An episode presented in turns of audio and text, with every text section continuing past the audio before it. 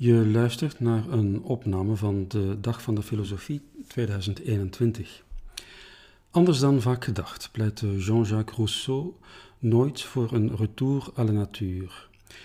Die formule staat nergens in zijn uivre, maar werd al vroeg bedacht door zijn eerste bewonderaars, die zich gretig aan de meester toeschreven.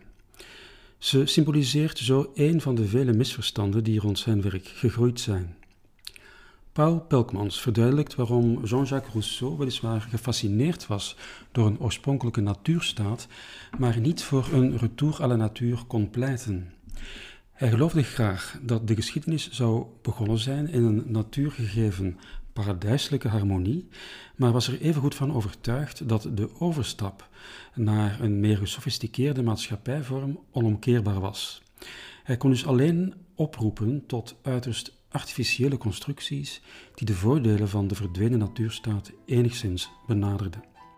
Paul Pelkmans is emeritus hoogleraar Franse en algemene literatuur aan de Universiteit Antwerpen. Hij schreef onder andere op wereldreis met Voltaire, filosofen en Frankrijk in de 18e eeuw. Uh, ik ga dus vandaag proberen in een uurtje tijd het natuurbegrip, het begrip natuurstaat, zoals Rousseau dat gedefinieerd heeft, een beetje duidelijker te maken. Uh, er is natuurlijk heel veel over te vertellen, dus ik ga een aantal dingen uh, naar best vermogen uh, vereenvoudigen en misschien de zaak ophangen rond de centrale vraag. Wat is er in dat verhaal over de natuurstaat zoals Rousseau die zag? Wat is daar eigenlijk werkelijk nieuw in te noemen? Wat is daar ongehoord in? de tijdgenoten er, ervaarden hem als iemand die echt radicaal nieuwe dingen vertelde. En ook hij zelf voerde zichzelf graag op die manier op als iemand die met zijn omgeving, met zijn tijdgenoten brak om een uh, ondergesneeuwde waarheid opnieuw duidelijk te maken, of om een sinds eeuwen uh, miskende waarheid opnieuw uh, zichtbaar te maken. Precies het ideaal van de natuurstaat. Wat was daar in essentie nieuw aan? Voor ik eraan begin, toch maar om een beetje op te doen zoals iedereen. Een anekdote memoreren. Elke fatsoenlijke uh, uiteenzetting over Rousseau begint met dezelfde episode namelijk uh, de start van zijn inzichten tijdens een moment van extra bijzondere luciditeit, wat men meestal het, uh, de, de illumination de Vincennes, de, het visioen in Vincennes noemt. Op zich eigenlijk een nogal banale anekdote. Rousseau in dat moment al 38 jaar, hij was intellectueel een beetje een laadbloeier. 38 jaar in de 18e eeuw. Dat is zelfs al de tijd waarop je eigenlijk het gevoel krijgt dat je nog niet oud bent, maar toch al wel begint te worden. En dat het dus tijd wordt als iets wil presteren. En vandaar uh, eh, komaf mee te maken. Uh, Rousseau had het nog niet ver gebracht. Op dat moment is hij een mooie dag op wandel. Op wandel in het bos van Vincennes, onderweg voor een vriendenbezoek op kasteel Vincennes bij Diderot. En tijdens die wandeling leest hij in een dagblad, om zijn tijd wat te passeren, onder andere de prijsvraag van een academie in de provincie een academie die aan cultuurpromotie deed door elk jaar opstellen te verzamelen rond een bepaald thema, daar dan een van te bekronen en te publiceren. Uh, in 1749 ging die prijsvraag over de vraag of de vooruitgang van kunst en wetenschappen uh, de mensheid eigenlijk uh, meer geluk of net minder geluk gebracht had. En voor Rousseau was het een schok. Een schok in die zin dat hij plots tot het inzicht kwam dat hij die vraag negatief moest beantwoorden dat uh, wetenschap en kunst misschien meer kwaad dan goed gedaan hadden. Was zeker niet het antwoord de academie vooral verwachtte. in de 18e eeuw, de 18e eeuw, de verlichting enzovoorts. Dat is het moment waarop iedereen eigenlijk in kunst en in wetenschap gelooft. Maar juist met het verrassende antwoord kwam je natuurlijk onverwacht uit de hoek. En kreeg je ook wel die prijs. Start van een verhaal, op zich een bana banale episode. Een de academie, een verrassend antwoord en een prijs die erbij uh, verbonden wordt. Maar door zo verteld als een soort van openbaring, iets wat hij nooit gezien had en nu plots uh, besefte. Uh, een, uh, een soort van visioen van een compleet ongeziene werkelijkheid. Vandaar opnieuw diezelfde vraag. Wat is daar eigenlijk, of wat was daar toen nieuw aan? Wat had er zo gezien wat zijn tijdgenoten al lang niet meer zagen? En misschien één ding daar nog aan toevoegen nu. die, dat moment van luciditeit heeft plaats tijdens een wandeling. Een wandeling in het bos van Vincennes. Maar heeft eigenlijk niks te maken met iets als een contact met de natuur of met bewondering voor de bomen of met het luisteren naar de zang van de vogels of wat dan ook. Rousseau heeft verteld in zijn autobiografie, die episode, spreekt helemaal niet over de natuur, spreekt alleen over het klantje dat hij al wandelend langs zich bezig houden, wat ook bewijst dat hij niet echt en vindt daar eigenlijk de start voor een nieuwe waarheid die zijn waarheid zou worden. Wat was daar nieuw aan? Natuurlijk niet het gebruik van het woord natuur. Dat is een van de oudste woorden uit de geschiedenis van de filosofie. En zelfs niet de verwijzing naar een oorspronkelijke natuurstaat. Een état de natuur origineel, een, een ideaal in het begin van de geschiedenis, waar de mensheid dan daarna catastrofaal van zou uh, afgeweken zijn. Want dat spoort eigenlijk met het bekendste verhaal uit de Europese cultuur. Het verhaal van de zondeval. Adam, door God geschapen met alle denkbare perfecties. De zonde uh, die dat voor de rest van de geschiedenis ongeveer verknalt. Uh, tot er eindelijk een verlosser komt om die oorspronkelijke volmaaktheid terug mogelijk te maken, minstens in de hemel. Een dergelijk verhaal, een prachtige start waarna alles verkeerd gaat, dat is iets wat dikwijls verteld geweest is. Trouwens, ook naast het verhaal van de zondeval in de hele cultuurgeschiedenis was het al dikwijls het idee dat als men iets nieuws wilde promoten, dat men dat eigenlijk best deed door het op te voeren, door het voor te stellen als een oorspronkelijke orde, iets wat men uh, had laten verkommeren, wat men moest herstellen. Ja? Vanaf de revolutie had het anders gaan, de Franse revolutie, vanaf de Amerikaanse revolutie misschien zelfs al een beetje, maar tot dan kon men eigenlijk het aanpassen, het verbeteren van de wereld essentieel maar denken als een terugkeer naar een oorspronkelijke harmonie. Uh, een eenvoudig voorbeeld is de renaissance, start van onze moderne wereld, maar eigenlijk herontdekking van de echte oudheid die men in de middeleeuwen meer en meer zou miskend hebben. Gelijktijdig de reformatie, een serieuze religieuze vernieuwing, maar op basis van een, maar beleefd als voorgesteld als een terugkeer naar een oorspronkelijke religieuze orde. Uh, telkens opnieuw diezelfde gedachte, als we de wereld willen veranderen, kunnen we dat alleen maar doen door die oorspronkelijke lijster een beetje terug te zoeken.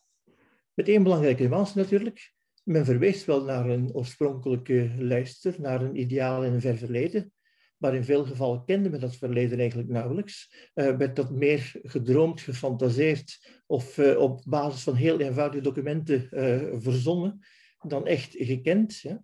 En dat betekent dat men natuurlijk dikwijls veel nieuwere dingen voorstelde dan men zelf besefte, dan men zelf durfde te denken. Ja, de reformatoren hadden ongetwijfeld gelijk als ze zeiden dat de auteurs van het Nieuwe Testament zich in Rome in de 16e eeuw zouden herkend hebben. Maar wat zij niet beseften, uh, wat ze niet konden weten, is dat die reformatoren zich evenmin zouden herkend hebben in de stad van Calvijn in Genève of in de theologie van Luther of iets dergelijks. Allemaal nieuwe gedachten, maar telkens onder verwijzing naar een oude werkelijkheid. Dat wat Rousseau in feite op zijn manier in de 18e eeuw ook doet, dat ga ik althans proberen een beetje aannemelijk te maken, een beetje uh, inzichtelijk te maken. Rousseau schrijft over een oorspronkelijke natuurstaat, uh, maar hij vindt die in vergaande mate zelf uit, hij kleurt die zelf in. En hij heeft er maar zoveel succes mee, omdat de manier waarop hij die invulde, de manier waarop hij die inkleurde, omdat die spoorde met allerlei dingen waar 18e eeuwers graag in geloofde. Natuurlijk, Rousseau had heel veel gelezen. Niet over de natuur als zodanig, maar zeker bijvoorbeeld heel veel uh, reisverslagen over wat men toen nog ongegeneerd primitieve volkeren noemde, mensen die dichter bij de natuur leefden. En hij had daar overal wel zijn licht in opgestoken. Maar uit al die bronnen heeft hij uiteindelijk maar overgehouden wat bij zijn droom paste. En op die manier een natuurstaat bedacht uh, waar 18e eeuwers graag in geloofde of graag overdroomde, omdat die bij typisch moderne aspiraties en dromen uh, kon passen. Ik zei dat trouwens niet, zelf, uh, niet alleen, uh, Rousseau zei dat zelf ook al. als je een van zijn inleidende teksten over de natuurstaat leest, dan zegt hij, ik wil de geschiedenis schrijven, maar waarom? Om op zoek te gaan naar het tijdperk waarin je zou willen dat je soort had stand, had stand gehouden. Een l'âge auquel on désirerait que l'espèce fût arrêtée. De natuurstaat, is een uh, gereconstrueerde oorspronkelijke staat, maar ook een staat waarvan Rousseau dan zegt, eigenlijk was dit beter, mooier dan alles wat er daarop ooit gevolgd is. Wat maakt die natuurstaat mooi en wat uh, is er in die bewondering voor de natuurstaat nieuw en typisch modern? Dat is een beetje mijn uh, centrale vraag. Ik ga die niet beantwoorden uh, over het hele ijveren, want dan gaat u weer ervan verdenken dat ik mijn citaten kies om uh, iets te vertellen wat ik zelf graag vertel. Dus ik spits me liever toe op één tekst om daar al mijn voorbeeld te vinden. een tekst die ik niet toevallig kies, omdat het de meest uitvoerige beschrijving van de natuurstaat is die Rousseau ooit heeft geschreven. Dat is niet het eerste discours dat hij in Vincennes bedacht had, waar hij zijn prijs mee haalde. Dat is een essay van een jaar of vier later.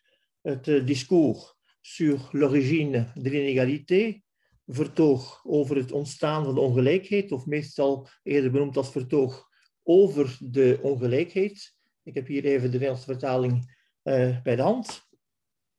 Een boekje van een uh, 100 pagina's ongeveer, geschreven in 1755, bestaat uit twee delen waarvan het eerste een beschrijving is van de oorspronkelijke natuurstaat.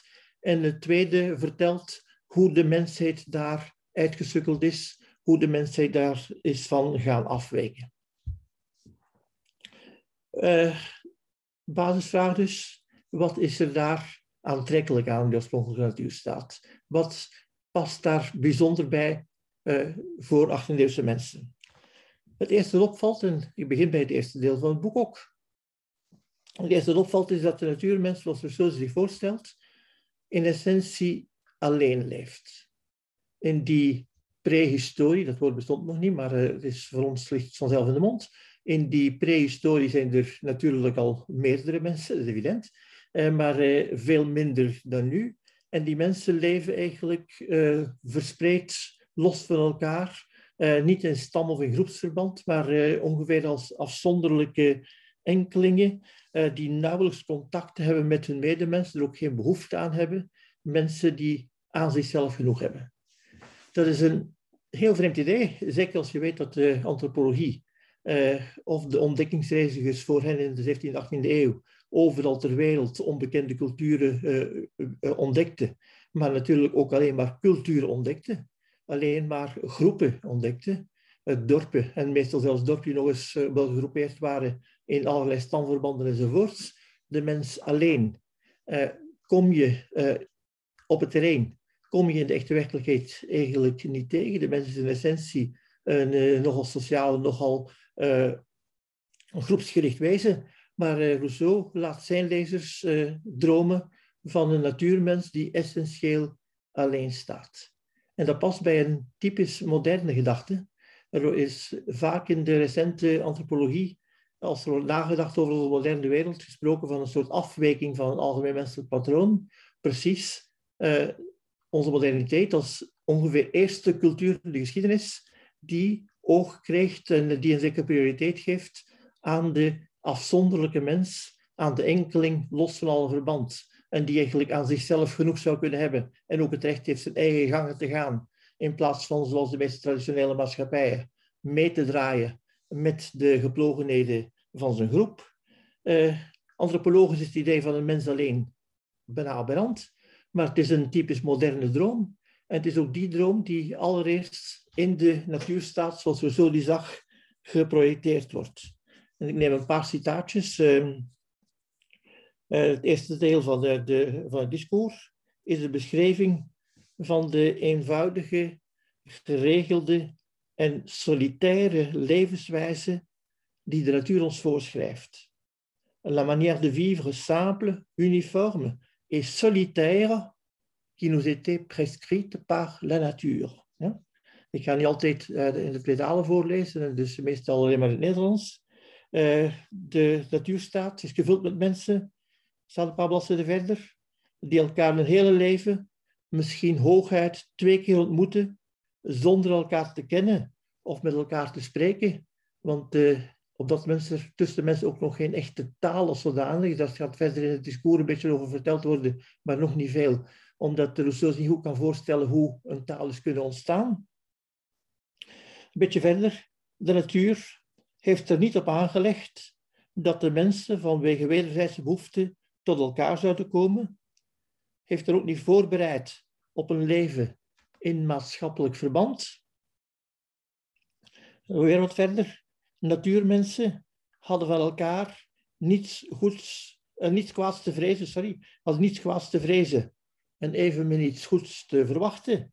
Ze waren niet verstrikt in een alles en iedereen omvattende afhankelijkheid. Heel belangrijk idee, dus het idee dat ver, verbanden met andere mensen, dat is afhankelijkheid. En dat is niet alleen iedereen omvattend, maar ook verstrikkend. Uh, je bent eigenlijk in sociale contacten altijd gevangen en je komt maar echt tot je recht, je komt maar echt tot ontplooiing, tot geluk, tot harmonie, als je alleen, als je apart bent. Dat is modern dualisme. Dat is iets wat in de 18e eeuw van de grond aan het komen is. En dat is iets wat Rousseau dus illustreert, een soort adelbrieven meegeeft, door dat te, terug te projecteren naar een gouden eeuw aan het begin van de mensheid, naar een eeuwenlang durende natuurstaat. Ik citeer nog eventjes verder. Laten we het beeld voor ogen nemen van de wilde mens, l'homme sauvage, le bon sauvage, is ook in de 18e eeuw, de goede wilde. De mens die doordat hij nog niet door de, natuur verdorven, door de cultuur verdorven is, uh, goed is, omdat de mens van nature goed is, omdat de mens in de natuur goed is, omdat de mens, zolang hij niet op, op andere terugvalt, uh, eigenlijk ook niemand kwaad doet, misschien niemand goed doet, maar een onschadelijk wezen is en dus van zijn eigen bestaan uh, zelfstandig kan genieten.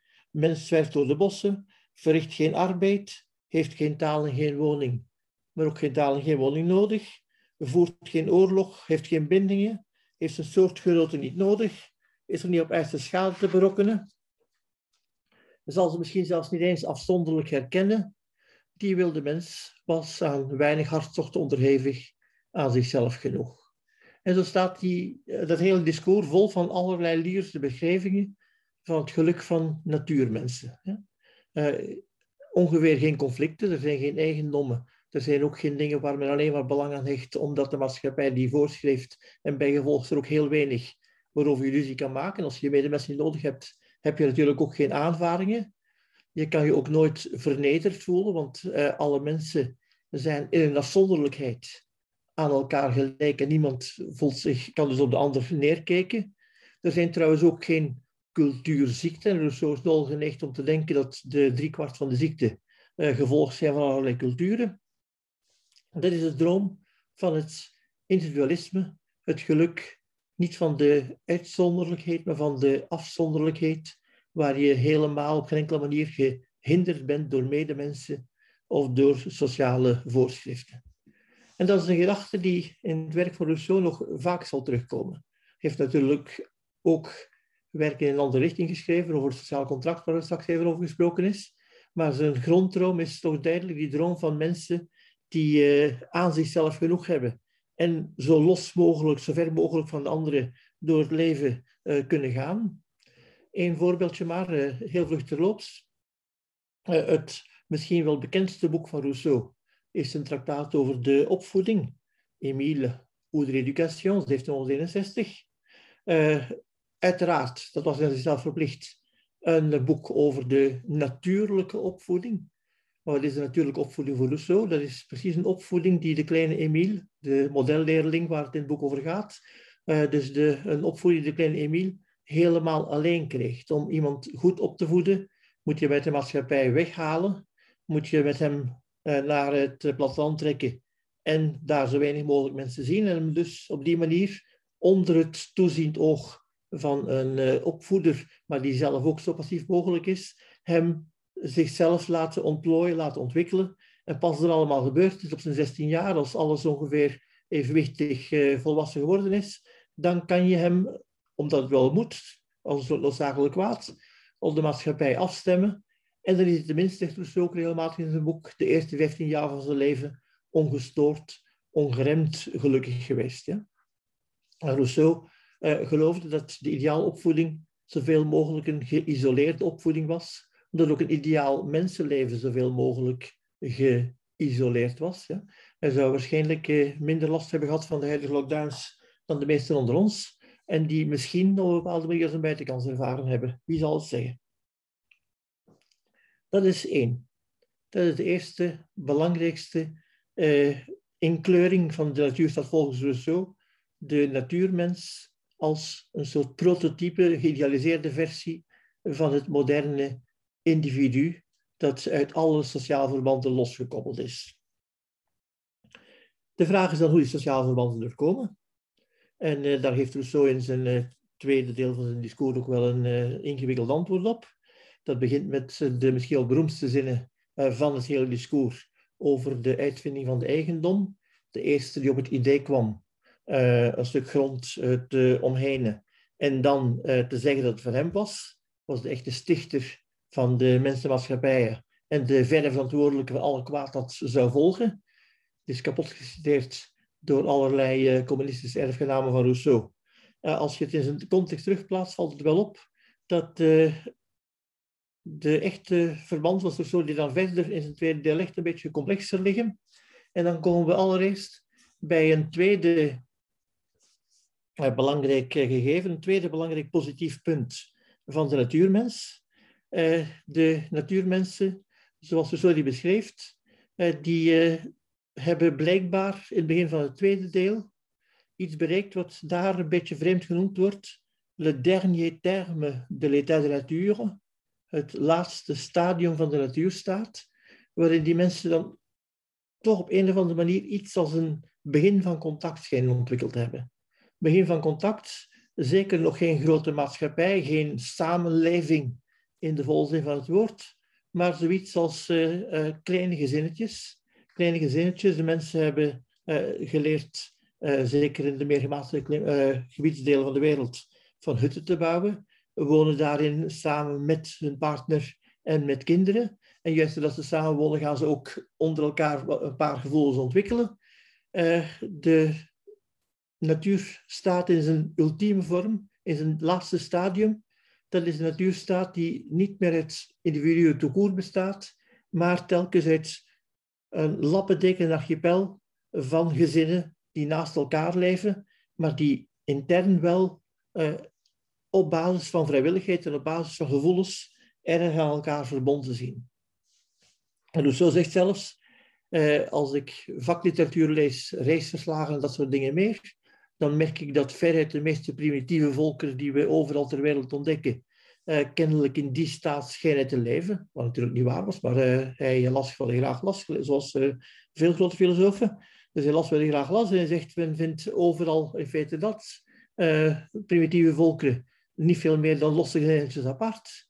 En juist dat het zoveel voorkomt, is misschien ook dat weer typisch een, een stadium van je kan denken dat dat voor de mens nog het meest geschikt is, dat dat voor de mens het, uh, een soort ideale biotoop creëert, de ware jeugd van de wereld, la vraie jeunesse du monde, zegt Rousseau Holiris. En ook daar kan je eigenlijk weer een typisch 18e eeuws en bij uitbreiding modern ideaal herkennen of onderkennen. Uh, om, het, om een lang verhaal kort te maken, het is een ingewikkeld verhaal, maar ik vertel het zo eenvoudig mogelijk. Individualisme betekent bevrijding, betekent emancipatie, uh, losgeraken uit allerlei sociale verbanden. En je kan daar moeiteloos een hele lofzang aan wijden. Maar individualisme betekent natuurlijk daardoor ook iets als isolement. En dat kan betekenen op sommige momenten eenzaamheid. Dat kan ook eh, betekenen op sommige momenten monsterachtige onverschilligheid. Uh, bij individualisme horen, zeker in de 18e eeuw en ook daarna nog wel, allerlei scrupules. Vandaar de behoefte om uh, op een nieuwe manier belang te hechten aan de banden die niet door de maatschappij opgelegd worden, maar aan banden die spontaan, subjectief uit de eigen emoties groeien. Uh, en in de praktijk zijn het vooral dan precies doorvoelde banden, gevoelsbanden, de banden met je gezin. Uh, het, veel mentaliteitshistorici hebben de 18e eeuw ook beschreven als het moment waarop het moderne privéleven van de grond komt. Het uh, typisch moderne idee, intussen alweer misschien een beetje achterhaald, dat het echte leven zich afspeelt thuis binnen het gezin het gezin dat je s morgens noodgedwongen verlaat om te gaan werken. En waar je dus s s'avonds of eh, in de weekends terugkomt voor de echte aangename dingen van het leven. Een nieuwe waardering voor de niet voorgeschreven banden, maar voor de subjectief beleefde en spontane banden van de emotie. Dat is het tweede ideaal dat in Rousseau's natuurstaat past. het ideaal van een sentimenteel privéleven. En ook daar lees ik weer een paar teksten. De eerste ontwikkeling van het gevoelsleven was het gevolg van een nieuwe toestand. Het bijeenzijn van man en vrouw, ouder en kind in een gemeenschappelijke woning. Het was deze gewoonte die de tederste gevoelens opriep die wij mensen kennen. De echtelijke en de ouderlijke liefde. Elk gezin werd een kleine maatschappij. Klein. Belangrijk, dus niet veel te maken met de rest van de wereld, maar wel intern heel echt vereend. En waarom echt vereend? Omdat de enige binding erin was van wederzijdse vrijheid. Wel de woorden niet opgelegd, maar spontaan gevoeld. Ze smaakt onder elkaar, staat er een paar bladzijden verder, de genoegens van een omgang met behoud van zelfstandigheid. Ja. Uh, il continuait à jouir entre eux des douceurs d'un commerce indépendant. Altijd dezelfde droom. Mensen moeten onafhankelijk zijn van elkaar. Maar omdat helemaal los van iedereen staat, voor de mens op veel momenten pijnlijk kan vallen, ga je des te meer belang hechten aan die paar verbanden die je zelf spontaan kan aanknopen uh, in volle vrijheid, uh, aan commerce, aan dependant. En ook dat is een spoor dat doorheen het hele uiveren van Rousseau loopt en dat ook via de romantiek tot de dag van vandaag door de moderniteit loopt. De moderniteit, dat is enerzijds individualisme, maar anderzijds ook iets als tederheidscultuur om dat woord te gebruiken. Ook hier uh, vele uh, ego's doorheen het hele uiveren van Rousseau. Ik vermeld er opnieuw, opnieuw maar één. Uh, de grote roman van Rousseau, La Nouvelle Louise. Uh, terloops gezegd eigenlijk uh, de meest verkochte bestseller van de hele 18e eeuw. Wordt nu door niemand meer gelezen, behalve door een paar specialisten onder de dienaar. Maar een boek waar eigenlijk de hele 18e eeuw in samengevat wordt. En deze keer samengevat wordt via het verhaal van een paar mensen die in Zwitserland wonen, ver van de grote wereld, ver van de grootstad, ver van Parijs, ben dat concreet voor, voor Rousseau. En die daar eigenlijk uh, onder elkaar met vier of vijf mensen een aparte biotoop worden, naar elkaar toe groeien, uh, samen een kleine ideale wereld opzetten, de rest van de wereld niet meer nodig hebben. Ze hebben die wereld duidelijk losgehaakt, maar onder elkaar voortdurend een uitgelezen geluk smaken, het sentimentele geluk dat zusterzielen kunnen genieten als ze dus hun uh, kleine wereld kunnen loshaken van de rest van de wereld. Twee gedachten. Twee gedachten hebben we ondertussen. De eerste gedachte, individualisme. De tweede gedachte, uh, sentimenteel privéleven. Beide teruggeprojecteerd op een ideaal, geïdealiseerd begin van de geschiedenis. En beide ondermijnd naarmate dus eerst uitgang van de eigendom en later al wat daar als sociale instellingen uit voortvloeit, naarmate dat de mensen in zijn greep krijgt, naarmate dat de mensen uh, eigenlijk van hun, het geluk ervoor ze gemaakt zijn, van de harmonie die in een spontane programma ligt, doet uh, weggroeien. Wat moet je dan doen? Daar is zo nooit helemaal duidelijk over geworden. Hij wordt nogal eens geassocieerd met de uh, bekende formule retour à la nature. Maar die formule, dat kan ik u garanderen, die staat nergens in een hele ijveren. En het tegenovergestelde staat regelmatig. Eens je uit de natuurstaat uh, weggesukkeld bent, eens je daarvan weggegroeid bent, kan je niet meer terug. De overstap naar de cultuur, de overstap naar de wereld van eigendom van maatschappelijke dwang, is onomkeerbaar. Het enige wat je kan doen, dat is de natuurstaat benaderen. Een beetje zoals er bij Louise gebeurt, met die vijf mensen uh, zo ver mogelijk van de wereld en onder elkaar uh, zo gelukkig mogelijk. Helemaal teruggaan kan je helemaal niet, maar het blijft wel een, gegeven waar je van kan blijven dromen. Dat zijn de twee belangrijkste moderne trekken van de natuurstaat. Er komen er nog wel andere bij, maar daar ga ik een beetje korter over zijn om uh, ook niet al te uh, veel tijd te blijven volbabbelen. En dus ruim nog wat tijd over te houden voor de discussie. misschien twee dingen die ik te los vermeld, twee typisch, typisch moderne aspecten van de natuurstaat zoals Rousseau die beschreef. Eerste daarvan, uh, dat wordt in het discours dat ik als voorbeeldtekst kies, een keer of drie vermeld. En het is toch wel belangrijk genoeg om op die manier bij het ideaalbeeld te horen. De natuurmens heeft volgens Rousseau geen weet van de dood. De natuurmens, anders dan wij, eh, weet niet dat hij zal gaan sterven. Sterft eigenlijk op het einde van zijn levensweg uiteraard, maar zonder zelfs helemaal te beseffen wat er gebeurt. Zonder daar op dat moment veel last van te hebben. En vooral zonder daar ooit bang voor geweest te zijn.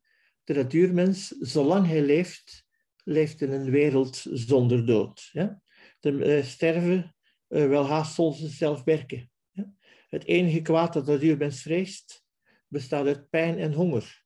En zegt zo, ik zeg niet pijn en dood. Sorry, hij zegt zo, ik zeg pijn en niet dood.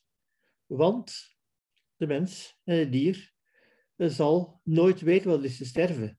De kennis van de dood en verschrikkingen was een van de eerste verworvenheden van de cultuur toen ze zich losmaakte uit het natuurlijke, uit het dierlijke bestaan.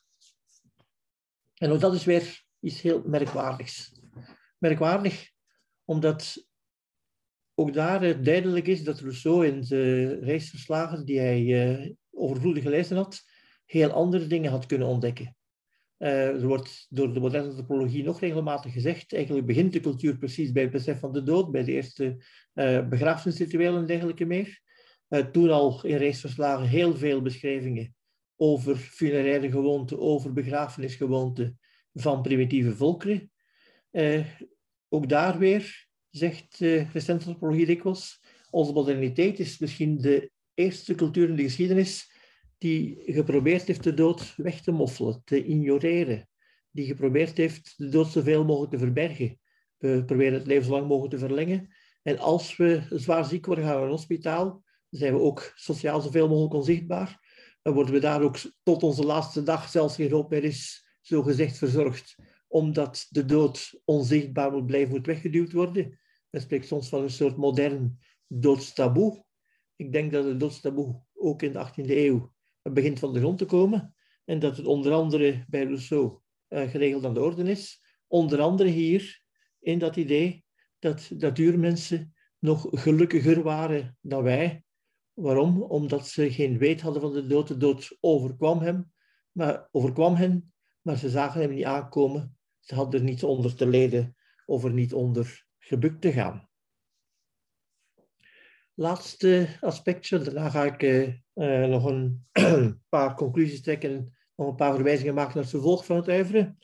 Laatste typische trek, uh, dat is een waar in de vakliteratuur minder over gesproken wordt. Uh, waar Rousseau trouwens zelf ook minder over spreekt. Maar die als men zijn beschrijving van de natuurstaat leest wel heel erg opvalt, zoals voor een moderne lezer toch. Eh, er is in de natuurstaat, zoals Rousseau die beschrijft, helemaal geen sprake van religie. Rousseau zit daar niet met zoveel woorden. Je zou het ook moeilijk gekund hebben, want dat zou hem eh, nog meer moeilijkheden opgeleverd hebben dan hij al had. Eh, in de 18e eeuw in Frankrijk was er nog absoluut geen persvrijheid. Was er een sterke en controlerende, surveillerende aanwezigheid van de kerk, met alle risico's en gevolgen van dien het idee van een mens zonder religie, dat was iets wat hij niet zomaar had kunnen neerschrijven. Was zelfs iets wat in de 18e eeuw zich, zich niet echt kon voorstellen. De, de, meeste filosofen geloofden trouwens in iets als deïsme, een uh, soort van minimale religie. Een religie uh, zo redelijk mogelijk en waar je niet al te veel last van had, maar toch iets als religie. Omdat men zich gewoon niet kon inbeelden dat de mensheid zonder religie denkbaar was.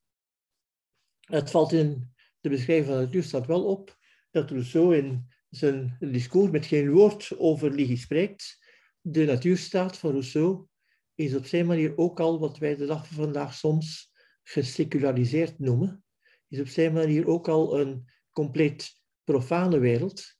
Dat is iets wat in het verdere ei van Rousseau veel minder wordt doorgetrokken, zelfs bijna in tegendeel. Rousseau heeft uh, regelmatig erg bevlogen religieuze bladzijden geschreven, maar in zijn natuurstaat, in zijn oorspronkelijke uitvoering, in die eerste volledige definitie, zoals die in 1755 in dit boekje voorgelegd is, is het heel duidelijk dat behalve individualisme behalve sentimenteel privéleven. en naast het wegdeemsteren van de dood, het onzichtbaar worden van de dood, er ook een soort afwezigheid van de religie is, die het resultaat eigenlijk 250 jaar later alleen maar moderner doet ogen. Moderner doet ogen, dan kunnen we bijna gaan concluderen. En ik ga concluderen, met jullie goed vinden, met uh, een drietal gedachten. Allereerst, uh, we zijn begonnen met het idee Rousseau als grote dissident van de verlichting. En dat was inderdaad de manier waarop Rousseau zichzelf zag. Dat was ook de manier uh, waarop zijn tijdgenoten hem zagen, als iemand die iets nieuws vertelde. Uh, en zoals ik nu heb aangegeven, er zaten wel degelijk accenten die nooit zo scherp, nooit zo duidelijk in de 18e eeuw geklonken hadden dan ze het bij Rousseau begonnen te doen.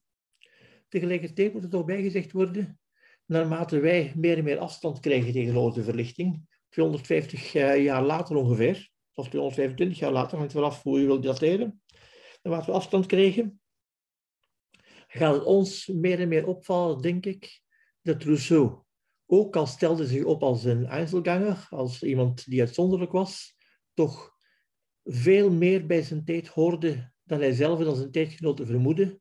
Uh, de fundamentele affiniteit, fundamentele verbondenheid met wat er in de 18e eeuw beweging was, valt ons veel meer op dan de afstand die hij nam. Rousseau als radicaal exponent van de verlichting, als iemand die verder, meer uh, radicaler doordroomde wat veel andere mensen in wat uh, mildere, afgezwakte versies uh, voorzagen, maar nog niet helemaal durfde doorduwen. Het individualisme met een radicaliteit die heel veel andere filosofen niet aandurfden en dus verstopte onder verwijzing naar natuurwetten en dat soort uh, dingen meer. Ja. Rousseau is een extreme figuur van de Frans van de Europese verlichting, veel meer dan haar echte tegenvoeter, haar echte tegenstander. Tweede stap, ook eventjes zetten. er wordt, zoals voor alle grote auteurs, ook van Rousseau nogal eens misbruik gemaakt.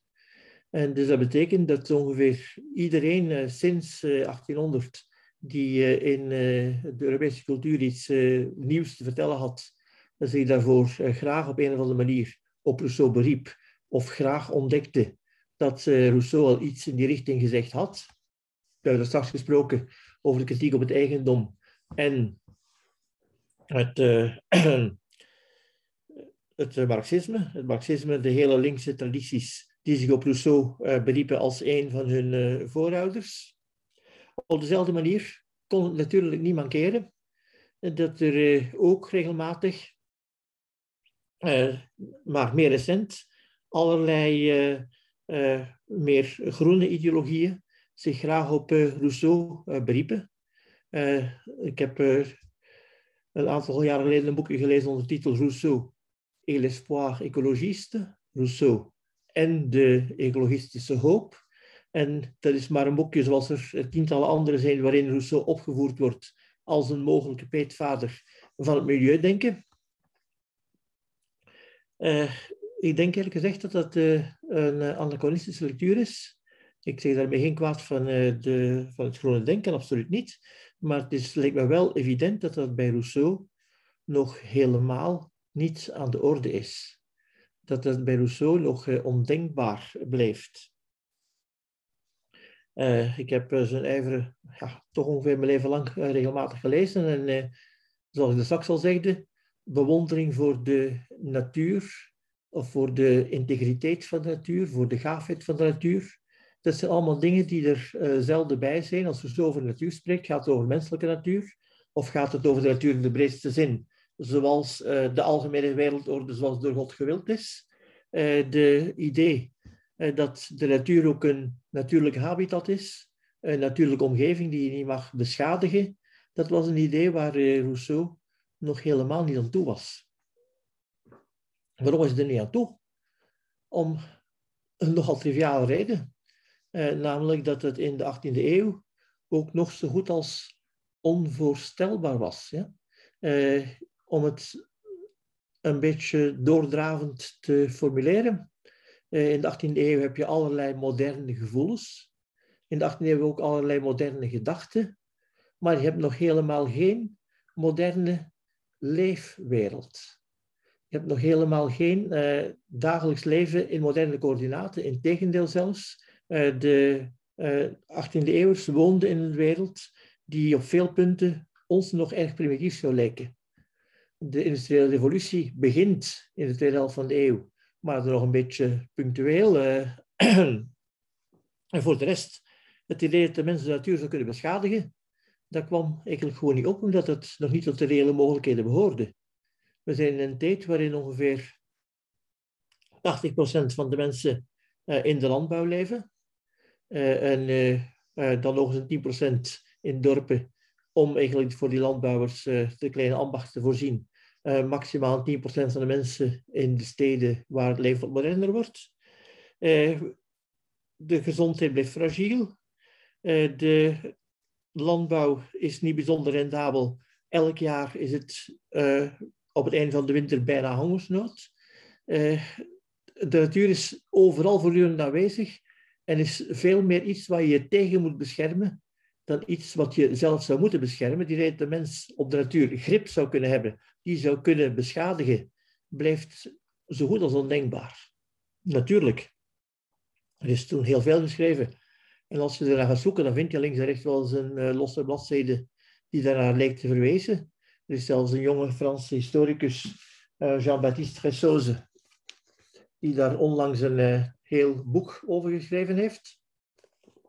Maar dat hele boek, dat, als je dat leest, dat is een heel goed boek, dan valt het nog altijd op dat wat hij bij elkaar gesprokkeld krijgt, dat het eigenlijk maar tamelijk incidentele, marginale dingen zijn.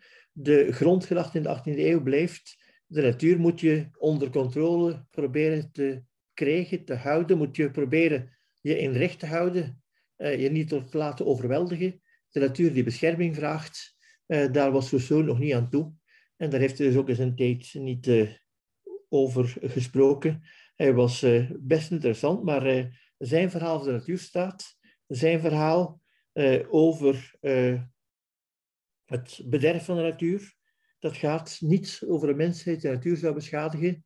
Dat gaat eigenlijk eerder over een beschadigde menselijke natuur, over een menselijke oorspronkelijke harmonie die door de cultuur zou geperverteerd zijn.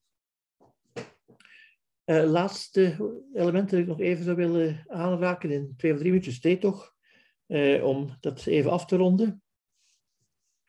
Uh, Rousseau heeft zijn laatste werken vooral autobiografisch opgevat. En is dan um, in die autobiografie eigenlijk een bijzonder spoor gaan doorlopen, dat uiteindelijk uitliep op een soort van crisis.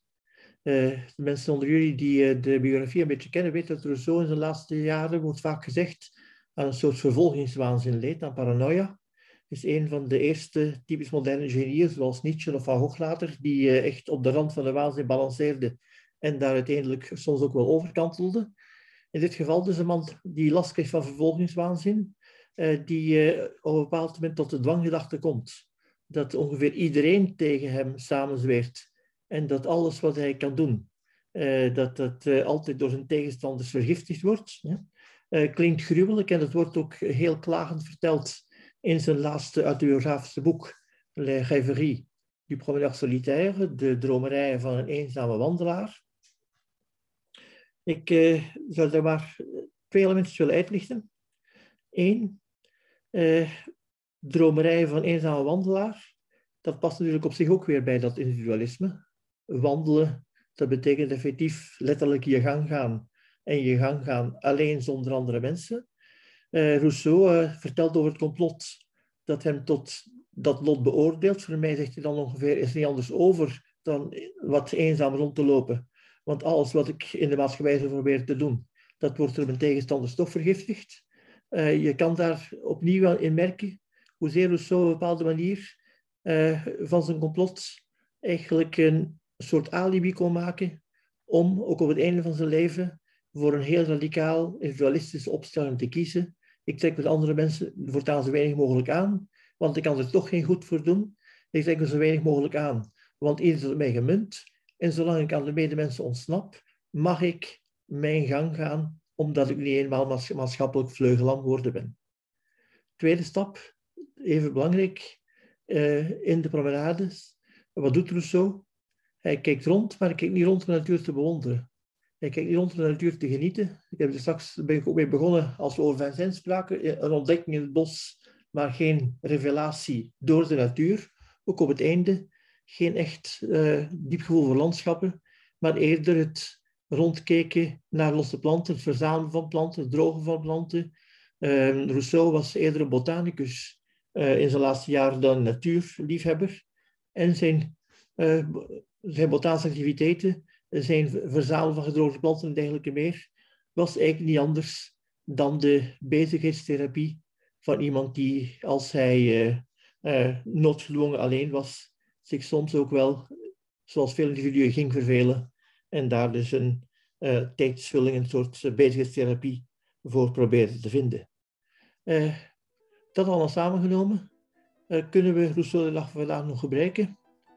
Ongetwijfeld wel, maar dan vooral als een soort van duidelijk voorbeeld van de manier waarop het individualisme een bijzonder moeizaam en moeilijk avontuur is, dat in vol valkuilen zit. Zo is ongeveer de, de, degene die in de 18e eeuw daar het gegaan is, een soort doordraver, maar die daardoor ook vlugger dan anderen op allerlei grenzen botste.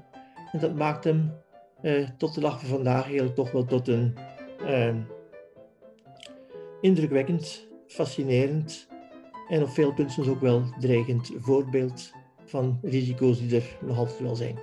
Bedankt.